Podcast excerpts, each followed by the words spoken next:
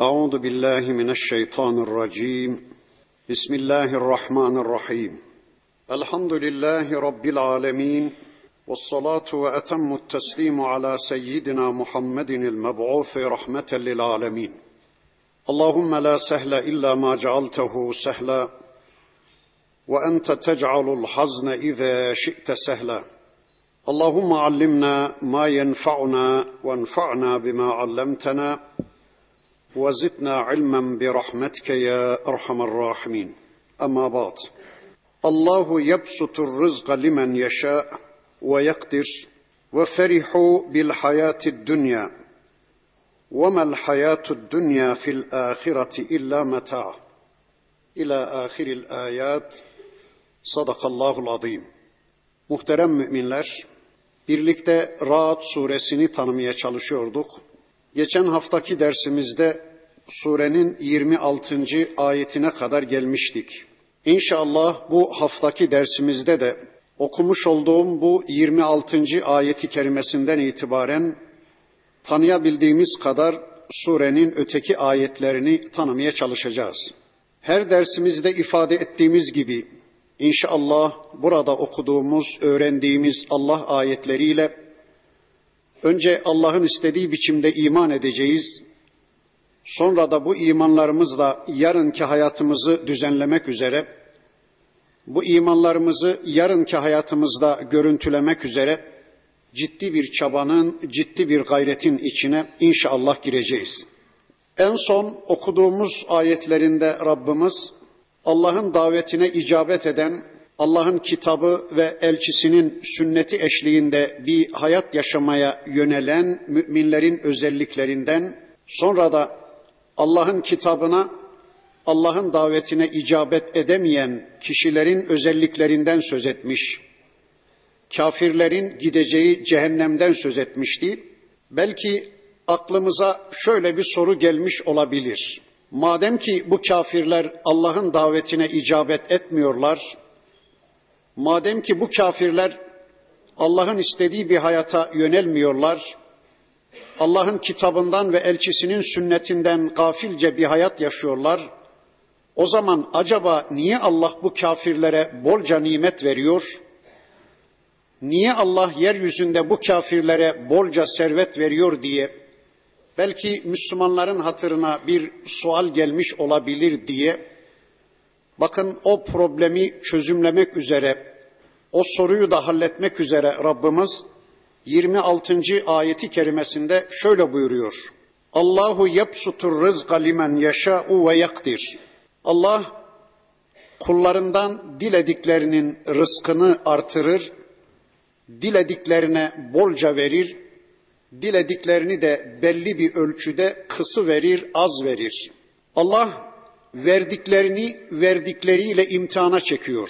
Yani ne çok verilenler Allah katında değerlidir, az verilenler değersizdir. Ne mal mülk sahipleri Allah katında üstündür, azizdir, fakirler Allah katında değersizdir. Öyle bir şey yok. Allah öyle bir şey demiyor. Yani Allah bizi verdikleriyle değerlendirmiyor. Uzun boylu olanlar benim katımda üstündür demiyor. Beyazlar benim katımda siyahlardan daha değerlidir demiyor. Zenginler, mal mülk sahipleri benim katımda fakirlerden daha değerlidir demiyor Allah. Eğer öyle deseydi bunlar zaten Allah'ın bize verdikleriydi. Allah kendi verdikleriyle kullarını değerlendirmeye tabi tutsaydı o zaman insanların Allah'a itiraz hakları olurdu. Ya Rabbi bana vermedin ona verdin. Verdiklerini de vermediklerinden böylece üstün tutuyorsun diye insanların Allah'a itiraz hakları olurdu. Öyle yapmıyor Allah. Kendi verdikleriyle bizi değerlendirmiyor da bizim kazanımlarımızla Allah bizi değerlendiriyor.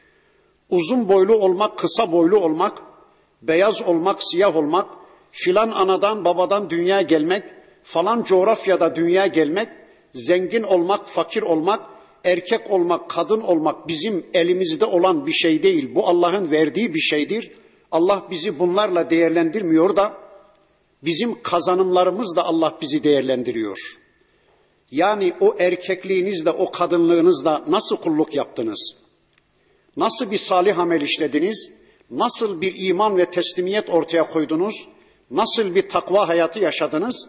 Allah bizi bunlarla değerlendiriyor. Öyleyse Allah'ın verdikleri konusunda Allah'a akıl vermeye, Ya Rabbi beni şunlarla şunlarla imtihan etmeliydin. Bana şunları şunları vermeliydin. Bana şu tür sorular göndermeliydin Ya Rabbi diye Allah'ı hesaba çekmeye, bu konuda Allah'tan hesap sormaya hiçbirimizin hakkı da yetkimiz de yoktur. Bize düşen Allah'ın verdikleriyle Allah'ın rızasını kazanabilmek, Allah'ın verdikleriyle cenneti kazanabilmek ve herkesin önünü de Allah cennet konusunda açmıştır. Herkese cennete ulaşma imkanı fırsatı vermiştir. Biz bu verilenlerle Rabbimizin rızasını nasıl kazanırız? Cenneti nasıl elde ederiz? İşte bunun hesabında olmak zorundayız. Önceki derslerimizde de ifade etmiştim.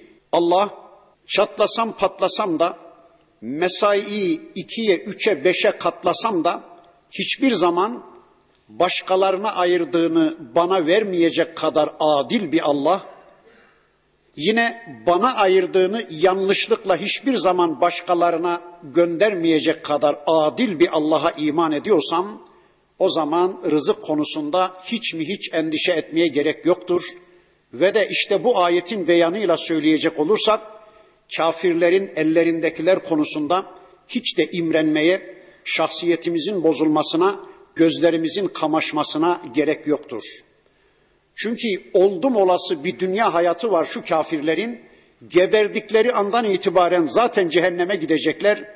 O zaman bırakın şu ellerindeki servetleri tümüyle bir dünya bir kafirin olsa hatta iki dünyası olsa bir kafirin ne yazar? Çünkü geberdiği andan itibaren kafir cehenneme gidiyor.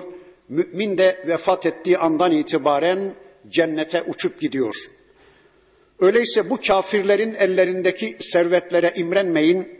Yani bunlar madem ki Allah'ın davetine icabet etmiyorlar, bunlar madem ki kitap ve sünnetten habersiz bir hayat yaşıyorlar, neden Allah bunlara çokça servet veriyor, neden Allah bunlara ekonomik ve siyasal güç veriyor diye üzülmeye, endişelenmeye hiç mi hiç gerek yoktur. Ve ferihu bil hayati dünya bu kafirler dünya hayatıyla ferahlandılar, dünya hayatıyla övündüler. Bize çok verildiğine göre biz iyi insanlarız. Biz dünyada servetle imtihan edildiğimize göre, ekonomik ve siyasal güç bizde olduğuna göre biz Allah'ın sevgili kullarıyız. Biz haklıyız, biz haktayız, biz doğrudayız dediler. Çünkü kafirlerin üstünlük kriteri dünya ve dünyalıklardır. Kim ki dünya ve dünyalıklar sahibi ise kafirlerin gözünde o haklıdır, o üstündür, o doğru yoldadır. Kim ki fakirlikle imtihan ediliyorsa o haksızdır, o sapıktır, o yanlış yoldadır. İşte şu andaki Hristiyanlık ve Yahudilik dünya yıllardır Müslümanların yeraltı, yerüstü kaynaklarını iç edip Müslümanların ellerindekilerini kapıp zorla kendi midelerine götürüp hatta ellerinden gelse Müslümanların karınlarını yarıp onların midelerindekileri de kendi midelerine aktarma kavgası verip yukarıdan uyguladıkları ekonomik ambargolarla Müslümanları aç bırakıp sonra da bütün dünyaya dönüp bakın şu Müslümanların vaziyetine. Eğer bunlar hak yolda olsaydı, bunların yolu, bunların dini doğru olsaydı şu anda onlar bize muhtaç olmazdı. Ekonomik ve siyasal güç bizim elimizde. Müslümanlar şu anda bize muhtaçlar. Bizim artığımızla geçiniyorlar. Bunların dini de yanlış, bunların yolu da sapık. Doğru yol bizim yolumuz, doğru din bizim dinimizdir diye yıllardır Allah'la, Allah'ın İslam diniyle, o dinin müntesipleri Müslümanlarla alay eden şu andaki Amerika'nın, şu andaki Avrupa'nın yani Yahudilik ve Hristiyanlık dünyanın üstünlük kriteri, haklılık kriteri dünya ve dünyalıklardır. Ama aldanmayın, Allah katında zenginler üstün diye bir prensip yoktur. Allah kullarını böyle değerlendirmiyor. Allah katında üstünlük ancak takva iledir. Allah katında üstünlük ancak iman iledir, teslimiyet iledir, hidayet iledir. İşte bakın Rabbimiz bu ayeti kerimesinde kafirlere çokça mal verilmesi karşısında gözleri kamaşan müminlere, şahsiyetleri bozulan müminlere diyor ki öyle değil. Allah dilediklerine çokça verir, dilediklerini de kısı verir. Bu Allah'ın elindedir, bu Allah'ın takdirindedir ve hikmetin sahibi olan Allah, bilginin kaynağı olan Allah kime ne vereceğini, kimi neyle saptıracağını, kimi neyle yoldan çıkaracağını, kimi neyle imtihan edeceğini en iyi bilendir. وَمَا الْحَيَاتُ الدُّنْيَا fil الْآخِرَةِ illa meta. Şunu unutmayın ki dünya hayatı ahiretin yanında kısacık bir geçimliktir, kısacık bir istifade etmektir. Ahiretin yanında dünya hayatı kısa bir geçimlikten ibarettir. İbn Abbas Efendimiz bu ayetin tefsirinde diyor ki, ahiretin yanında dünya hayat bir çobanın azığı kadardır. Bir çobanın azı ne kadar sürer? İşte bir gün ya da yarım gün, bir günün dörtte biri kadar bir süre o çobanı doyurur, biter. İşte ahiretin yanında da dünya bir çobanın azı kadardır diyor İbni Abbas Efendimiz. Peygamber aleyhisselam da bir hadislerinde buyururlar ki, eğer sineğin kanadı kadar dünyanın Allah katında bir değeri olsaydı, Allah o dünyadan kafire bir yudum su bile vermezdi. Eğer sineğin kanadı kadar bu dünyanın Allah katında bir değeri olsaydı Allah bu dünyadan kafirlere bir yudum su bile vermezdi.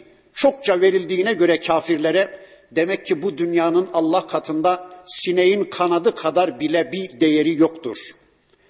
Yine Allah'ın Resulü başka bir hadislerinde bakın buyururlar ki sizden biriniz parmağını bir okyanusa, bir denizin suyuna batırsa, parmağını denizin suyundan çıkardığı zaman parmağında kalan miktar su neyse, ahiretin yanında da dünya işte o kadardır.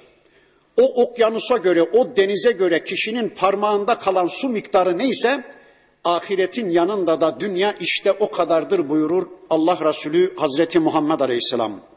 Bir defasında Medine sokaklarında dolaşırken Peygamber aleyhisselam bir oğlak ölüsü görmüş, kokmaya yüz tutmuş, dağılmaya yüz tutmuş bir oğlak ölüsü, ölüsü görüyor Peygamberimiz. Onun başında duruyor arkadaşlarıyla birlikte ve çevresindekilere diyor ki Allah'ın Resulü, kim bu oğlak ölüsünü bir dirheme benden satın almak ister? Kime satayım? Kim ister bunu bir dirheme? Sahabeden ses çıkmaz. Yine sorusunu tekrarlar Allah'ın Resulü. Peki kim bu oğlak ölüsünü kendisine hediye vermemi ister? Kime vereyim onu hediye? Kim ister? Sahabeden birisi dayanamayarak der ki ey Allah'ın Resulü bunun dirisi bile para etmez. Değil ki ölüsü. Ne yapalım da bir dirheme satın alalım ya da hediye alalım deyince onları bu noktaya getiren Allah'ın Resulü taşı gediğine oturtur ve bakın der ki işte şu anda sizin paylaşımının kavgasını verdiğiniz dünya Allah katında bu oğlağın ölüsünden daha değersizdir. Sizin şu anda paylaşımının kavgasını verdiğiniz dünya yok bacağı sana gitti, yok ön kolunu ben alacaktım, yok gövdesini sen kaptın, yok kelleyi sen aldın, yok bağırsaklarını ben kaptım diye şu anda paylaşımının kavgasını verdiğiniz dünya var ya Allah katında işte bu oğlağın ölüsünden çok daha değersizdir diyor Allah Resulü Hazreti Muhammed Aleyhisselam. Dünyanın bu manada bir tek değeri var o da ahiretin tarlası oluşudur. Ahireti kazanılacak amellerin bu dünyada işlenmesidir.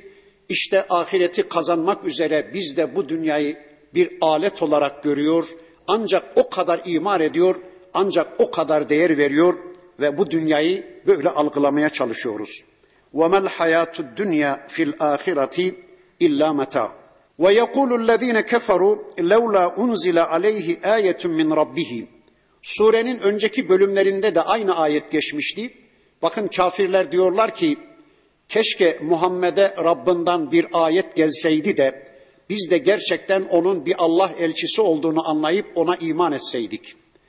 Keşke Allah peygamberine Muhammed'e bir ayet gönderseydi de biz de gerçekten onun bir peygamber olduğunu anlayıp ona inansaydık. Ayet bekliyorlar.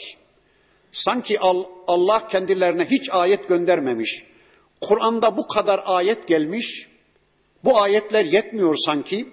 Bir de Allah işte kainatta, göklerde, yerde binlerce meşhut ayet yaratmış, görsel ayet yaratmış. Ay bir ayet, yıldız bir ayet, güneş bir ayet, balık, böcek bir ayet, dağ bir ayet, deniz bir ayet, insan bir ayet.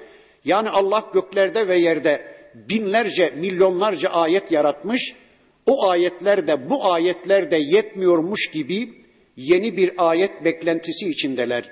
Keşke Allah peygamberine bir ayet gönderseydi de biz de gerçekten onun bir Allah elçisi olduğunu anlayıp ona iman etseydik. Gariptir. Allah bizimle konuşsa ya diyorlar. İşte bu ayetlerle Allah'ın kendileriyle konuştuğunun farkında değiller. Allah bize gökten bir sofra indirse olmaz mıydı diyorlar. Halbuki elmasıyla, armuduyla, şeftalisiyle, limonuyla, portakalıyla, kirazıyla, yağlısıyla, tuzlusuyla Allah bizim önümüze öyle muazzam bir sofra indirmiş ki yediğimiz önümüzde, yemediğimiz ardımızda Allah böyle bir sofra indirmiş. Her gün yiyoruz ama adamlar yine Allah'tan farklı bir sofra bekliyorlar. Garip bir şey. Allah bizim gözümüzün önünde ölüleri diriltseydi ya o zaman biz de Allah'ı tanıyıp iman etseydik ya diyorlar. Halbuki kışın ölen tabiatı bahar mevsimi Rabbimizin baranı rahmeti yeryüzüne inmeye başlayınca Rabbimizin mübarek dudakları yeryüzünü öpmeye mübarek feyyaz eli yeryüzünü sıvazlamaya başlayınca bahar mevsimi kışın ölen tabiat yeniden canlanıyor. Yani insanların gözü önünde ölümler, dirimler sürekli devam ediyor. Ama yine de adamlar Allah insanları diritseydi de atalarımızı kabirden çıkarıp gelseydi de biz de gerçekten Allah'a inansaydık demeye çalışıyorlar. Aslında bu ifadeleri inanmamalarına kılıf bulmak, küfürlerine delil bulmak. Yani adamlar küfürlerinde direnmek istiyorlar, pes etmek istemiyorlar peygamber karşısında. Güya peygambere bir delil de sunmuş oluyorlar. Bir ayet gelseydi biz de inanırdık. Ya ne yapalım delil yok, ayet yok, efendim burhan yok, kanıt yok. Ne yapalım mucize yok. Biz nasıl inanalım demeye çalışıyorlar. Aslında küfürlerine delil buluyorlar, kafirliklerine kılıf buluyorlar. Peki onların bu taleplerine karşılık Allah ne diyor? Kul innallâhe yudillu men yeşâ'u ve yehdi ileyhi men enab.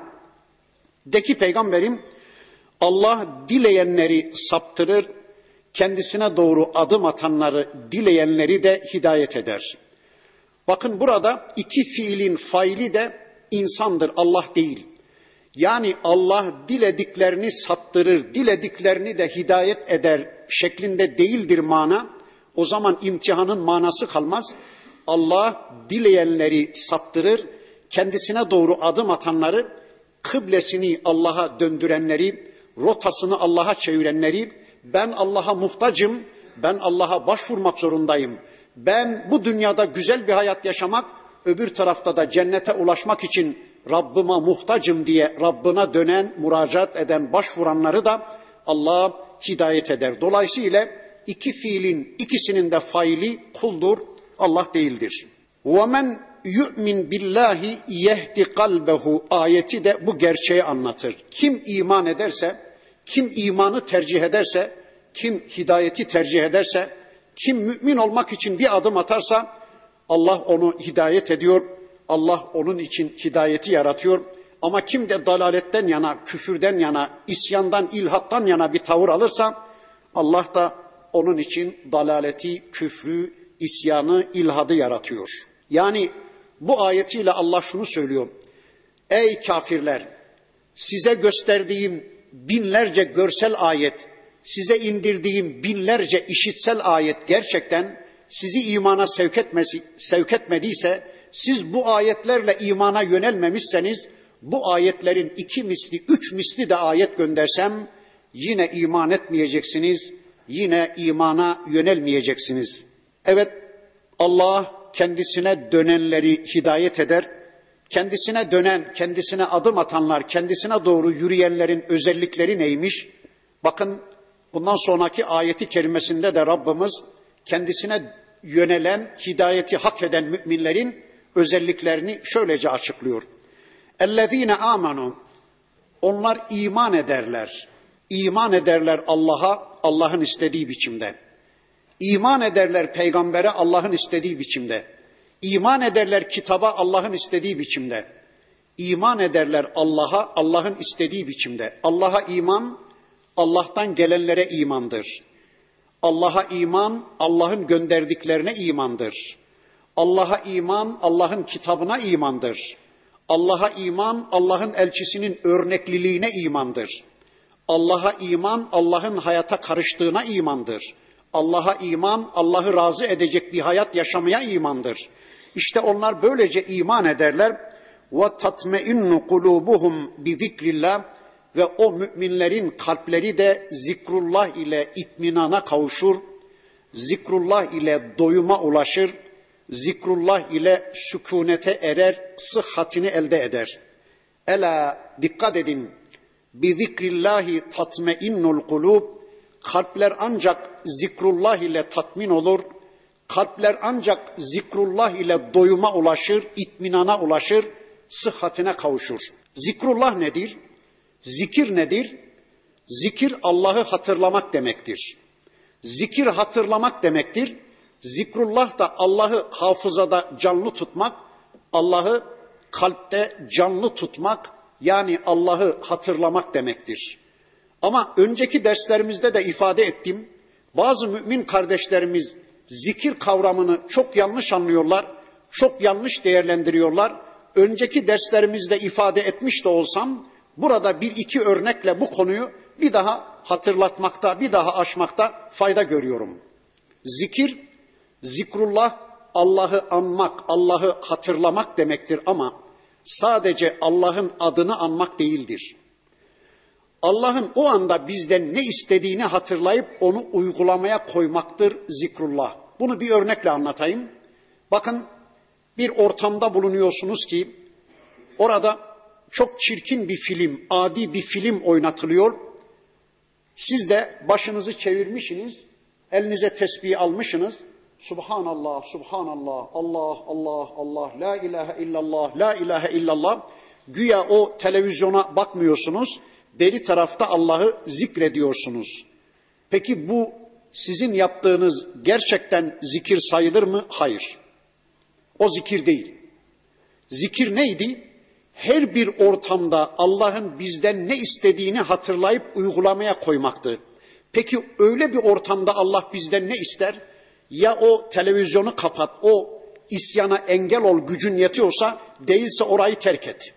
İşte bir Müslümanın şu ikisinden birini yapması zikirdir. Çünkü zikir sadece Allah'ın adını hatırlamak değil, Allah'ın o anda ondan ne istediğini hatırlayıp onu uygulamaya koymaktır. Veya başka bir örnek vereyim.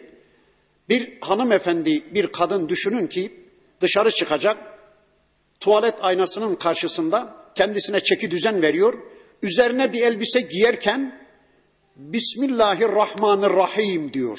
Allah'ı zikrediyor ama üzerine giydiği elbise açık yeri kapalı yerinden fazla dar ve şeffaf bir elbise, Allah'ın istemediği bir elbise ama öyle bir elbiseyi üzerine giyerken o kadıncağız Bismillahirrahmanirrahim dedi.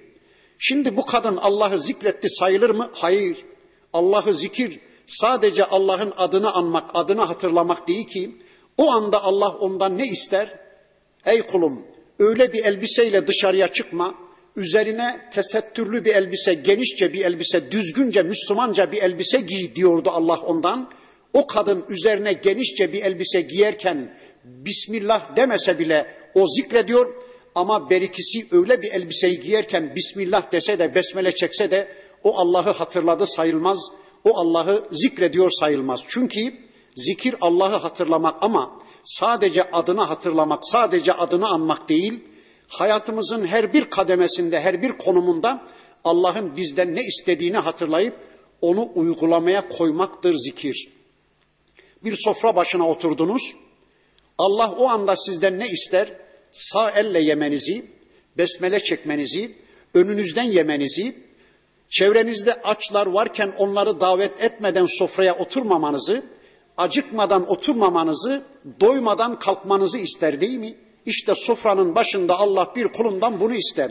Bunu icra eden bir Müslüman Allah'ı hatırladı, Allah'ı zikretti ama sofranın başında sus payı olarak bir besmele çekip sonra içkili, dışkılı, fışkılı yiyen birisi, haramlı yiyen birisi istediği kadar başında besmele çeksin, o Allah'ı hatırladı sayılmayacaktır. O Allah'ı zikretti sayılmayacaktır. Bakın işte zikir budur. Zikrullah da bir kişinin Allah'ı hatırlaması ama sadece adını değil Allah'ın o anda kendisinden nasıl bir kulluk istediğini hatırlayıp onu uygulamaya koyması zikirdir, zikrullah'tır. Yine alimlerimizin beyanıyla zikrullah Kur'an'dır. Dolayısıyla işte bu ayet-i kerimeye şöyle bir mana verelim. Kalpler ancak Kur'an ile yatışır. Kalpler ancak zikrullah ile itminana kavuşur.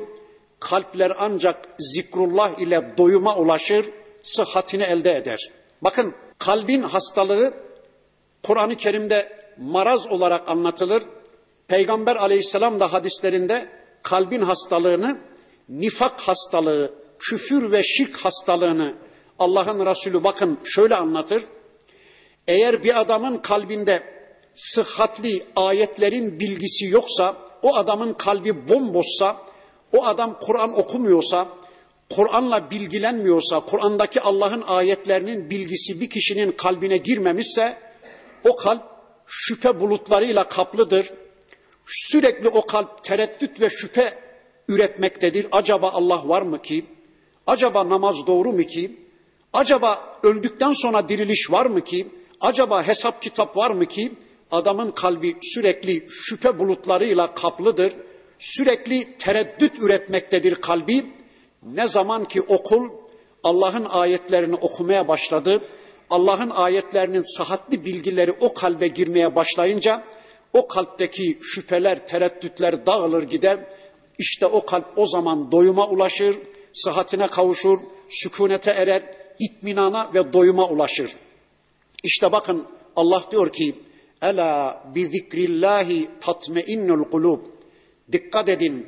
Kalpler ancak zikrullah ile yani Allah'ın ayetleriyle doyuma ulaşır. Allah'ın ayetleriyle sıhhatine kavuşur. Demek ki insan kalbinin doyuma ulaşmasının, sıhhate kavuşmasının bir yolu Allah'ın şu meşhut ayetlerinden geçiyormuş. İkinci bir yolu da Bakara suresindeki bir ayetin beyanıyla meşhut ayetler üzerinde yapılan kafa yorma, inceleme ve tefekkür insanın kalbini doyuma ulaştırıyormuş. Bakın o ayeti kerime de şöyleydi. Hani İbrahim Aleyhisselam demişti ki ya Rabbi ölüleri nasıl dirilttiğini görmek istiyorum. Göster bana ya Rabbi demişti. Allah buyurmuştu ki kale evelem tü'min inanmıyor musun ya İbrahim? Bizim ölüleri diriltecek güçte olduğumuza inanmıyor musun? Ya İbrahim deyince bakın İbrahim Aleyhisselam şöyle demişti. Kale bela velakin liyatmeinne kalbi. Evet iman ediyorum ya Rabbi. Senin ölüleri diriltebileceğine iman ediyorum ya Rabbi ama kalbim bir itminana kavuşsun istiyorum. Kalbim şeksiz şüphesiz bu gerçeği bir görsün de doyuma ulaşsın istiyorum. Ne olur karşımda bir varlığı dirit de göreyim demişti. Demek ki kalbin itminana kavuşmasının, kalbin doyuma ulaşmasının, kalbin sükunete ermesinin ikinci yolu da görsel ayetleri, göze yönelik ayetleri görmek, o ayetleri müşahede etmek, o ayetler üzerinde kafa yormak, işte Allah'ın yarattığı binlerce, milyonlarca ayet üzerinde tefekkür etmek, insan kalbini doyuma ulaştırıyor, saate kavuşturuyormuş.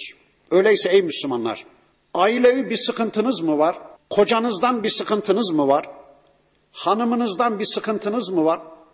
Çocuklarınızla alakalı bir derdiniz mi var? Oğlunuzla, kızınızla alakalı bir probleminiz mi var? Bir baş ağrısı mı çekiyorsunuz? Bir ekonomik sıkıntı mı yaşıyorsunuz? Geçin, geçinemiyoruz diye şikayet mi ediyorsunuz?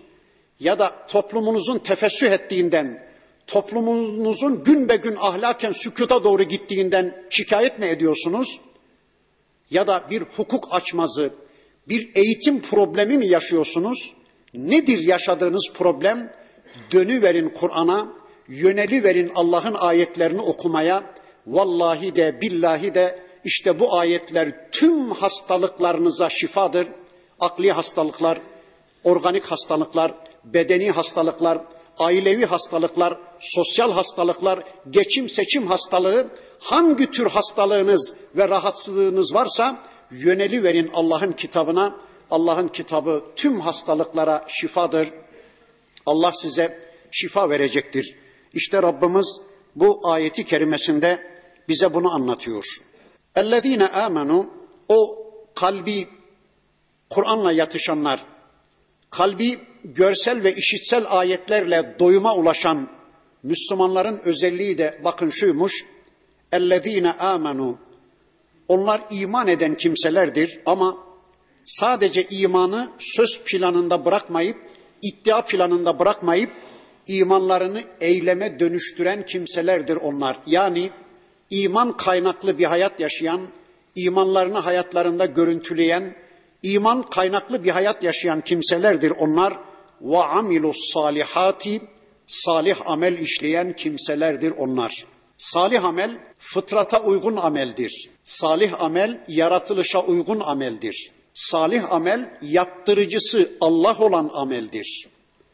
Eğer bir amelin yaptırıcısı Allah değilse o amel salih amel değildir. Yaptırıcısı Allah'tan başkaları olan ameller gayru salih amellerdir.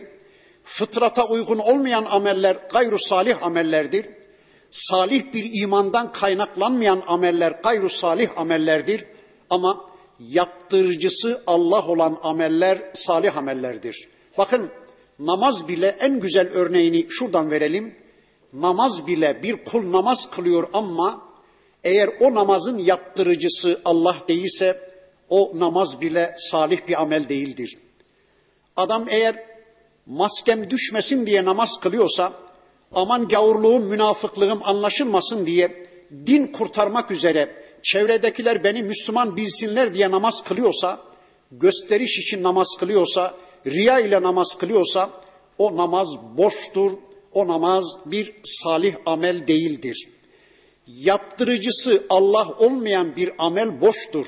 Mesela bir kadın ya da bir erkek bu yıl moda böyle diye giyiniyorsa yani o tür giyinmeye onu sevk eden Allah değilse o giyimin yaptırıcısı Allah değil de modaysa, çevre ise, toplumsa, yönetmeliklerse o amel de boştur. Allah katında zerre kadar bir ecri, bir sevabı, bir mükafatı olmayacaktır. Demek ki salih amel yaptırıcısı Allah olan ameldir. Salih amel kitapta sünnette yeri olan ve de sadece Allah için yapılan ameldir. Bir amel sadece mahza Allah rızası için yapılsa ama o amelin sünnette yeri yoksa o amel salih amel değildir. Mesela bir adam sokakta kış gününde karın buzun altında başını yere koymuş, ayaklarını gökyüzüne dikmiş, amuda kalkmış, kendisine işkence ediyor. Oradan geçen birisi selam verip soruyor, hayrola kardeş bu yaptığın ne? İbadet diyor ya. Ben böylece Allah'ı razı etmeye çalışıyorum, kulluk yapıyorum. Gerçekten adamın niyeti Allah için olsa bile böyle bir kulluk türü peygamberimizin sünnetinde yoksa bu amelde boştur. Amel peygamberimizin hayatında var ama Allah için yapılmıyorsa o da boştur. Mesela bir Alman uğruyorsunuz, ticaret yapıyorsunuz bir kafirin dükkanına. Adam eksik ödediğinin farkına varıyor. İki ay, üç ay sonra da olsa sizin adresinize 10 euro, 20 euro postalıyor. Amel güzel bir amel.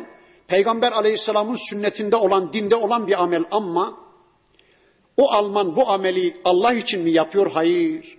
Daha çok müşteri çekeyim diye, cömert adam desinler diye, dürüst tüccar desinler diye, daha çok müşteri çekeyim, daha çok para kazanayım, güvenilir tüccar desinler diye bu işi yapıyorsa, Allah için yapmıyorsa bu amelde boş bir ameldir, salih bir amel değil. Öyleyse bir amelin salih olması için iki şart var. Bir o amel Allah için yapılacak, yaptırıcısı Allah olacak. İkincisi sünnette yeri olacak. Yani Peygamber Efendimizin hayatında yeri olacak, dinde yeri olacak. İşte böylece iman edip salih amel işleyenler için tuğba lehum onlar için tuğba var. Tuğba ne? Ya müjdeler var. Onlar için müjdeler var demek tuğba kelimesi. Ya da cennette bir tuğba ağacı varmış ki Peygamber aleyhisselam bir hadislerinde şöyle anlatıyor. Bir atlı diyor süratli giden bir ata binse bilmem kaç yıl o atını sürse o ağacın gölgesinden uzaklaşamaz, gölgesini çıkamaz. Böyle bir ağaç düşünün. Nasıl bir şey? E, düşünmek bile mümkün değil. Tahayyülü bile mümkün değil. Ama cennete en son girecek kişiye, imanı en zayıf kişiye, şu anda üstünde gezdiğiniz, dolaştığınız dünyanın on misli bir makam verilecekse, bu ağaçta normal yani. Yani bizler ortalarda ya da başlarda filan girecek olursak eğer, şu anda üstünde gezdiğimiz, dolaştığımız dünyanın yüz misli, iki yüz misli bir makamı bir tek kuluna verecekse Allah, o ağaçta normaldir. Böyle bir ağaç varmış. İşte onlar için tuğba var. Böyle ağaçlar, meyveler var. Ve husnu maab ve güzel bir dönüş var. Çok güzel bir dönüş. Memnun olunacak bir dönüş. Gamın, kederin, çilenin, sıkıntının olmadığı bir dönüş. Hepsi dünyada kaldı. Orada keyif yapabileceği, gönlünce eğlenebileceği, arzu ettiği her şeyi ayağının altında bulacağı, yok yok denecek kadar Allah'ın güzel bir cennetine ne güzel bir dönüş gerçekleştirecek o Müslümanlar. Kezalike işte böylece ey peygamberim erselnake seni de elçi olarak gönderdik. Fi ümmetin bir ümmetin içinde bir toplumun içindeki kad halet min qabliha umemun daha önce onlardan önce nice ümmetlerin, nice toplumların gelip geçtiği bir toplumun, bir ümmetin içinde seni de elçi olarak gönderdik ey peygamberim. Daha önce pek çok peygamberlerin ve toplumlarının denendiği bir dünyada bir zaman ve mekan diliminde seni de bir topluma elçi olarak gönderdik ey peygamberim. Özelde Kureyş'e, Mekke toplumuna, genelde de bütün dünya insanlığına Allah Peygamber Aleyhisselam'ı son elçisini elçi olarak gönderiyordu. Ne için gelmişti Allah'ın Resulü Hazreti Muhammed Aleyhisselam? Bakın peygamberini gönderiş sebebini, hikmetini de Rabbimiz şöylece açıklıyor. Litetluve tilavet etmen için, okuman için, izletmen için, aktarman için, göstermen için. Neyi? Aleyhim o gönderildiğin topluma, o gönderildiğin kavme göstermen için ellezî evhayna ileyke sana gönderdiğimiz bu kitabın ayetlerini gönderildiğin topluma okuman için, tilavet yapman için, yetlu tilavet yapman için ya da göstermen için, izletmen için seni o topluma elçi olarak gönderdik, görevlendirdik. Peki ne anladık bu ayetten? Neymiş peygamberimizin görevi? Allah elçisini niye göndermiş? Gönderdiği şu kitabı çevresine okusun diye. Bakın Allah'ın Resulü Allah'ın gönderdiği şu kitabı çevresine okuyacaktı, çevresine duyuracaktı. Çünkü kulluğu gündeme getiren kitaptı, tevhidi anlatan kitaptı, takvayı ve teslimiyeti ortaya koyan kitaptı, cenneti anlatan, cennete gitme yollarını gösteren kitaptı, cehennemi anlatan, cehennemden kurtulma yollarını anlatan bu kitaptı, Allah'ı anlatan, Allah'ın sıfatlarını anlatan, kulu anlatan, kulluğu anlatan, Rab ile kul arasındaki ilişkiyi anlatan bu kitaptı. İşte Allah'ın Resulü 23 yıllık risalet döneminde tüm insanlığa bu kitabı duyurdu. Mektuplar yazdı, elçiler gönderdi. Bu kitabı duyurdu. Allah'ın Resulü'nün vefatından sonra bu sorumluluk şu anda bizlerin omuzlarımızdadır. Bizler de şu anda yeryüzünde ben bu kitabı duymamıştım diyebilecek bir tek insan kalmayacak biçimde Allah'ın bu ayetlerini insanlara duyurmakla mükellefiz. Peygamberin sorumluluğunu iliklerimize kadar eğer içimizde hissedebiliyorsak bu görev bizim de görevimiz. Bu sorumluluk bizim de sorumluluğumuz diyebiliyorsak öyleyse bizler de şu anda yeryüzünde benim Allah'ın son kitabından haberim yoktu, ben o kitabın ayetlerini duymamıştım diyebilecek bir tek insan kalmayacak biçimde bu kitabı Allah kullarına okumakla, duyurmakla mükellefiz. Şu anda bizler de bunun sorumluluğu altındayız. Ben okudukça, ben anlattıkça kimi Müslümanlar soruyorlar ya ne olacak oku oku oku anlat anlat anlat ne olacak? Ben diyorum ki vallahi ne olacağını ben bilmem. Allah elçisini bunun için göndermiş. Sen kitabı etrafındakilere duyurasın diye ben seni elçi olarak gönderdim demiş ve peygamberimin vefatından sonra bu yükü benim omuzuma yüklemişse ben de okumak zorundayım. Kadına okumak zorundayım, erkeğe okumak zorundayım, gence duyurmak zorundayım, ihtiyara duyurmak zorundayım, amire duyurmak, memura duyurmak, tüm insanlığa bu kitabı okumakla mükellefim. Sizler şu anda duydunuz, sizler de yarın birilerine okuyun, sizler de gündeme getirin, sizler de peygamberin o şerefli sorumluluğuna talip olun. Böylece bu kitabı yeryüzünde duymadık bir tek insan kalmasın. وَهُمْ يَكْفُرُونَ Rahman. Üstelik senin kendilerine elçi olarak gönderildiğin toplum Rahman'ı da küfrediyorlar. Rahman'ı da inkar ediyorlar. Bakın Mekkeli müşriklerin Rahman ismine karşı bir düşmanlıkları var, bir gıcıklıkları var öyle diyelim. Bir nefretleri var Rahman ismine, Rahim ismine karşı. Allah ismine karşı bu kadar işkillenmiyorlar, gazaplanmıyorlar ama Rahman ve Rahim dendi mi, Allah'ın Rahman ve Rahim sıfatı gündeme getirildi mi, Mekke müşrikleri dayanamıyorlar, hemen itirazı basıyorlar. Bakın Kur'an'da Rahman'a secde edin denildiği zaman derler ki وَمَا Rahman. Rahman da kimmiş? Rahman da neyin nesiymiş? Tamam biz Allah'ı biliyoruz ama Rahman'a asla inanmayız. Rahman'ı asla tanımayız diyorlar. Hemen Allah'ın Rahman sıfatına itiraz ediyorlar. Yine mesela Hudeybiye müsalası esnasında Hudeybiye anlaşmasını yazan Ali Efendimiz'e dedi ki Peygamberimiz anlaşmanın üst tarafına Bismillahirrahmanirrahim diye yaz ey Ali dedi.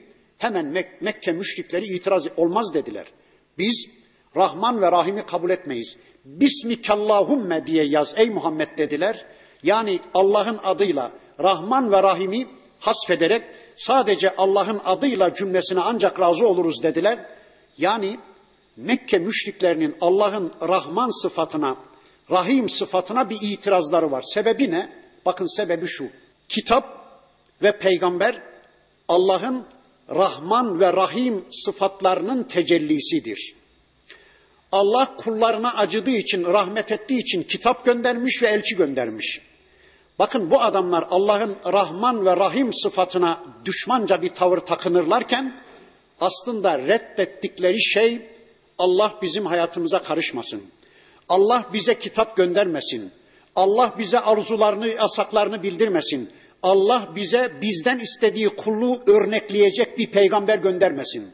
Tamam sevelim, sayalım Allah olduğu yerde dursun.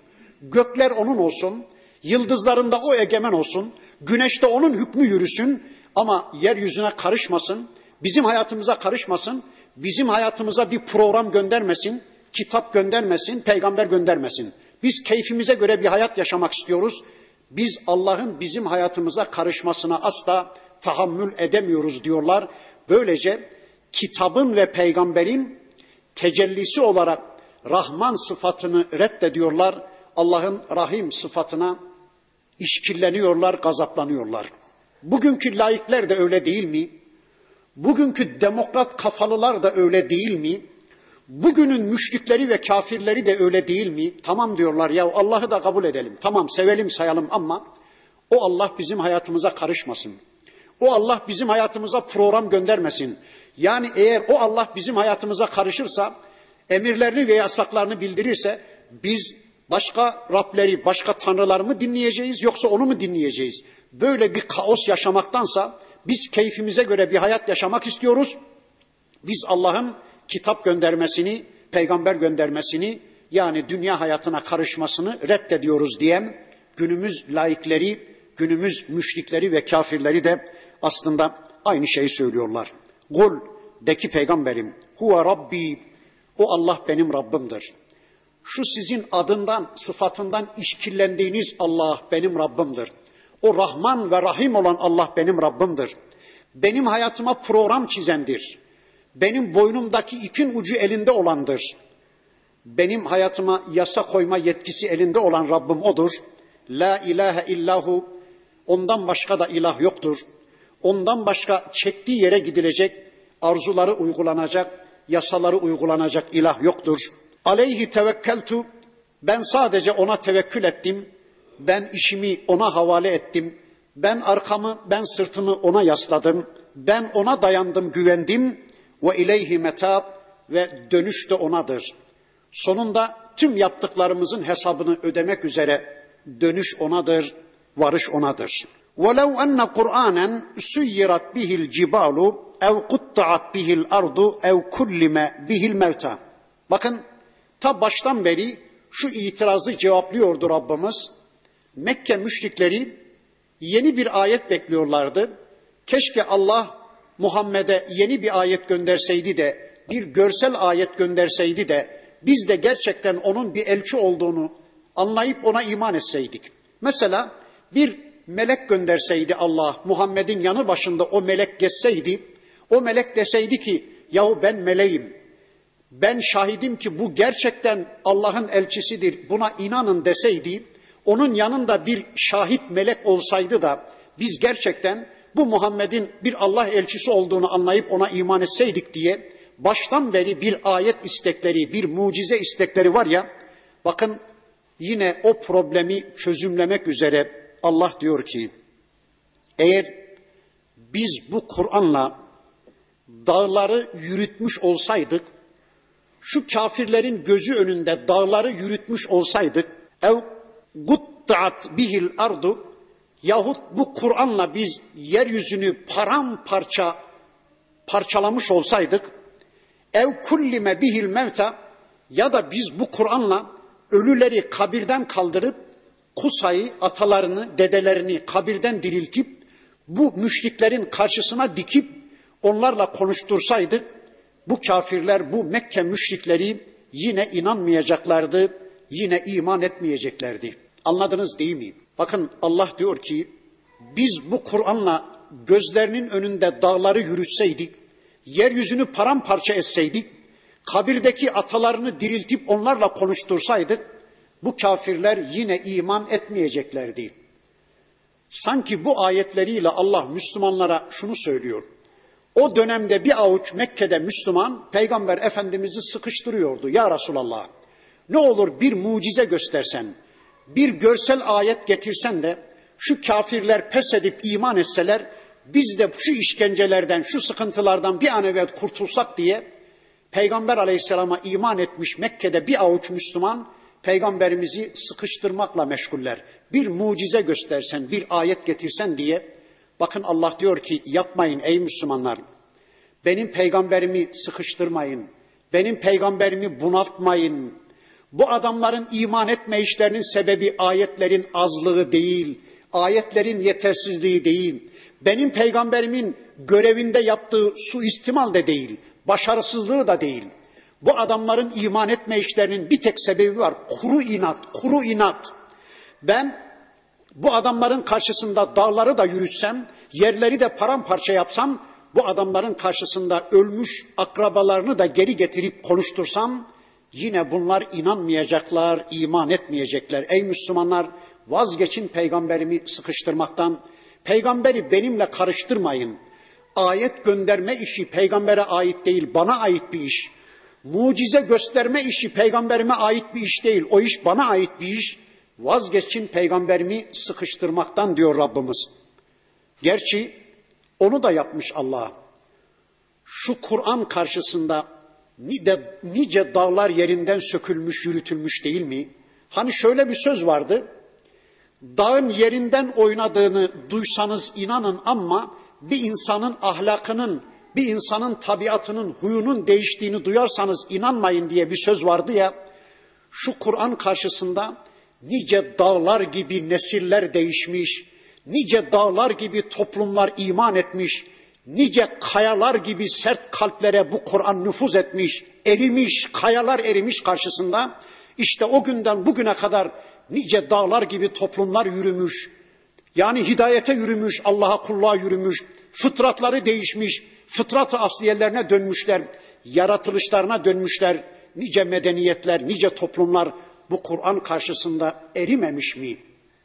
Ama işte bunu gördükleri halde alçaklar yine de inanmıyorlar, yine de iman etmiyorlar. Hani Kur'an'da bir başka ayet vardı. لو أنزلنا هذا القرآن على جبل لرأيته خاشعا متصدعا من خشية الله Ne diyordu Allah?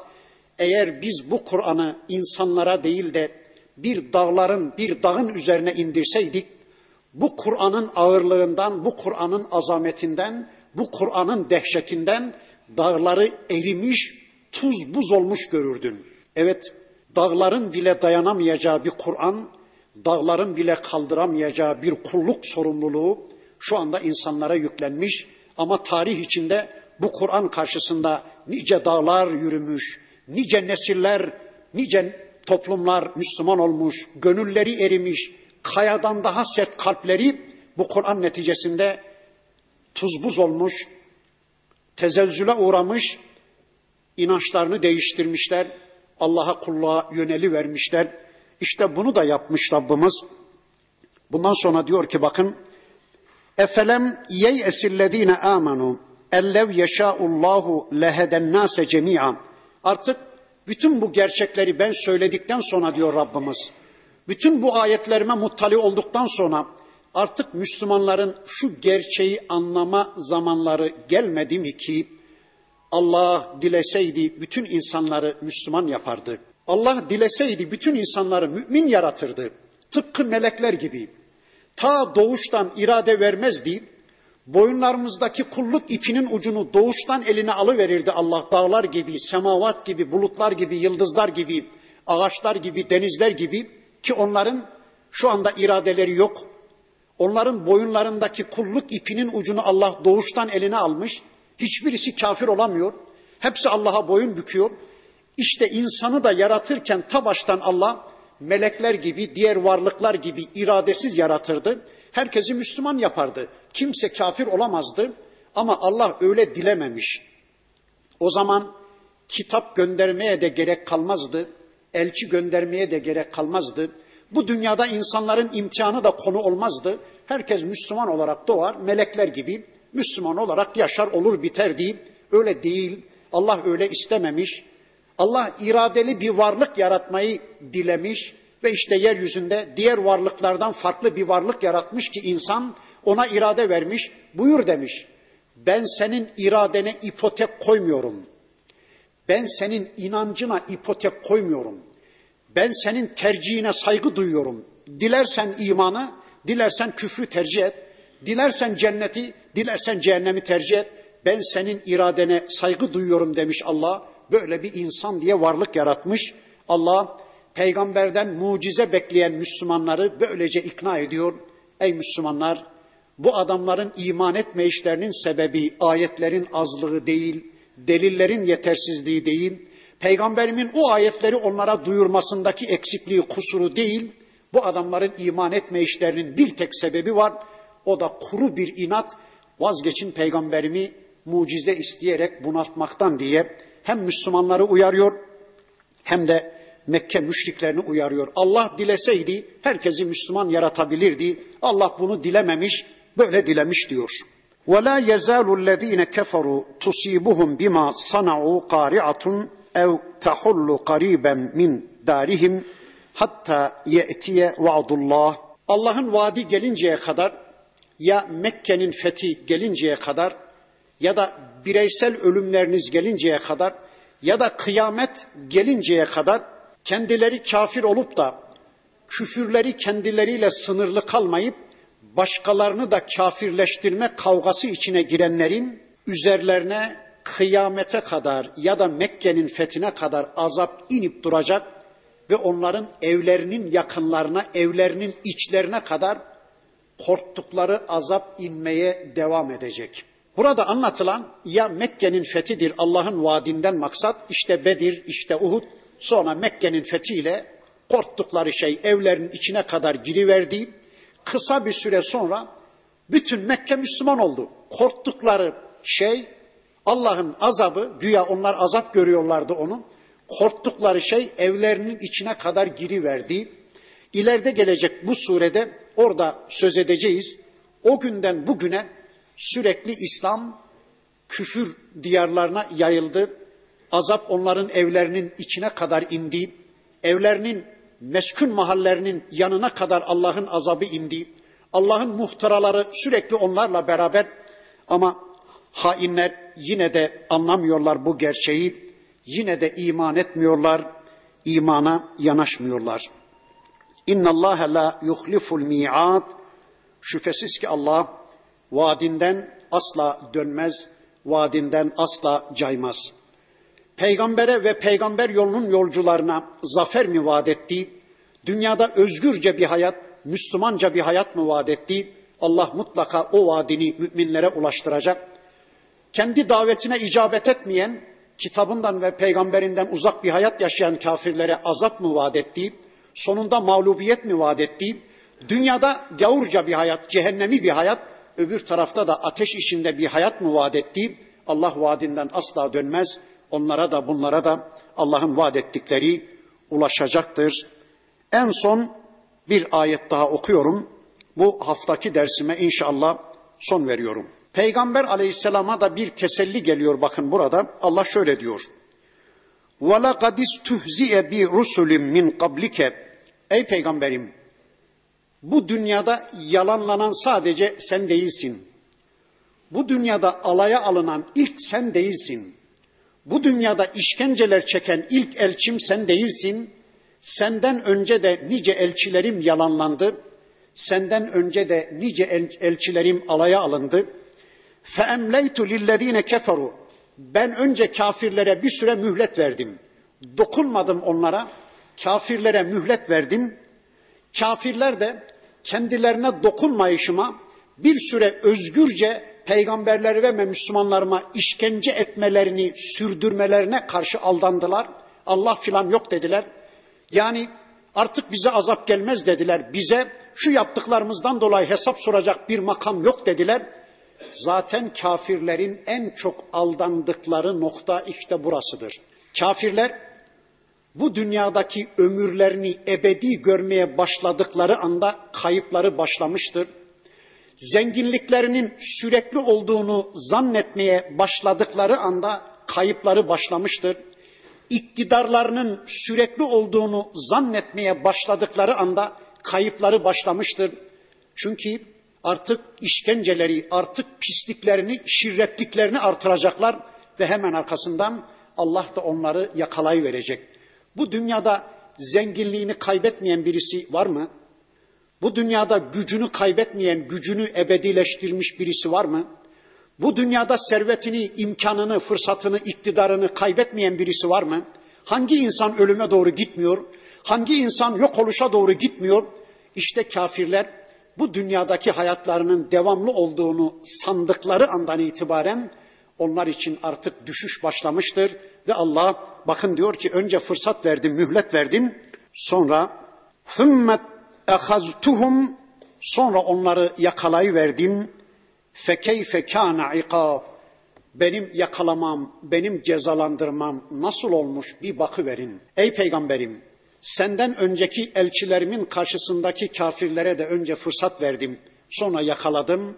Senin karşındaki kafirler de biraz biraz benim bu yasamdan şu anda istifade ediyorlar diye, biraz biraz küfürlerini sürdürüyorlar diye sakın üzülme ben fırsat veririm ama sonunda öyle bir yakalarım ki benim yakaladığım gibi hiç kimse yakalayamaz.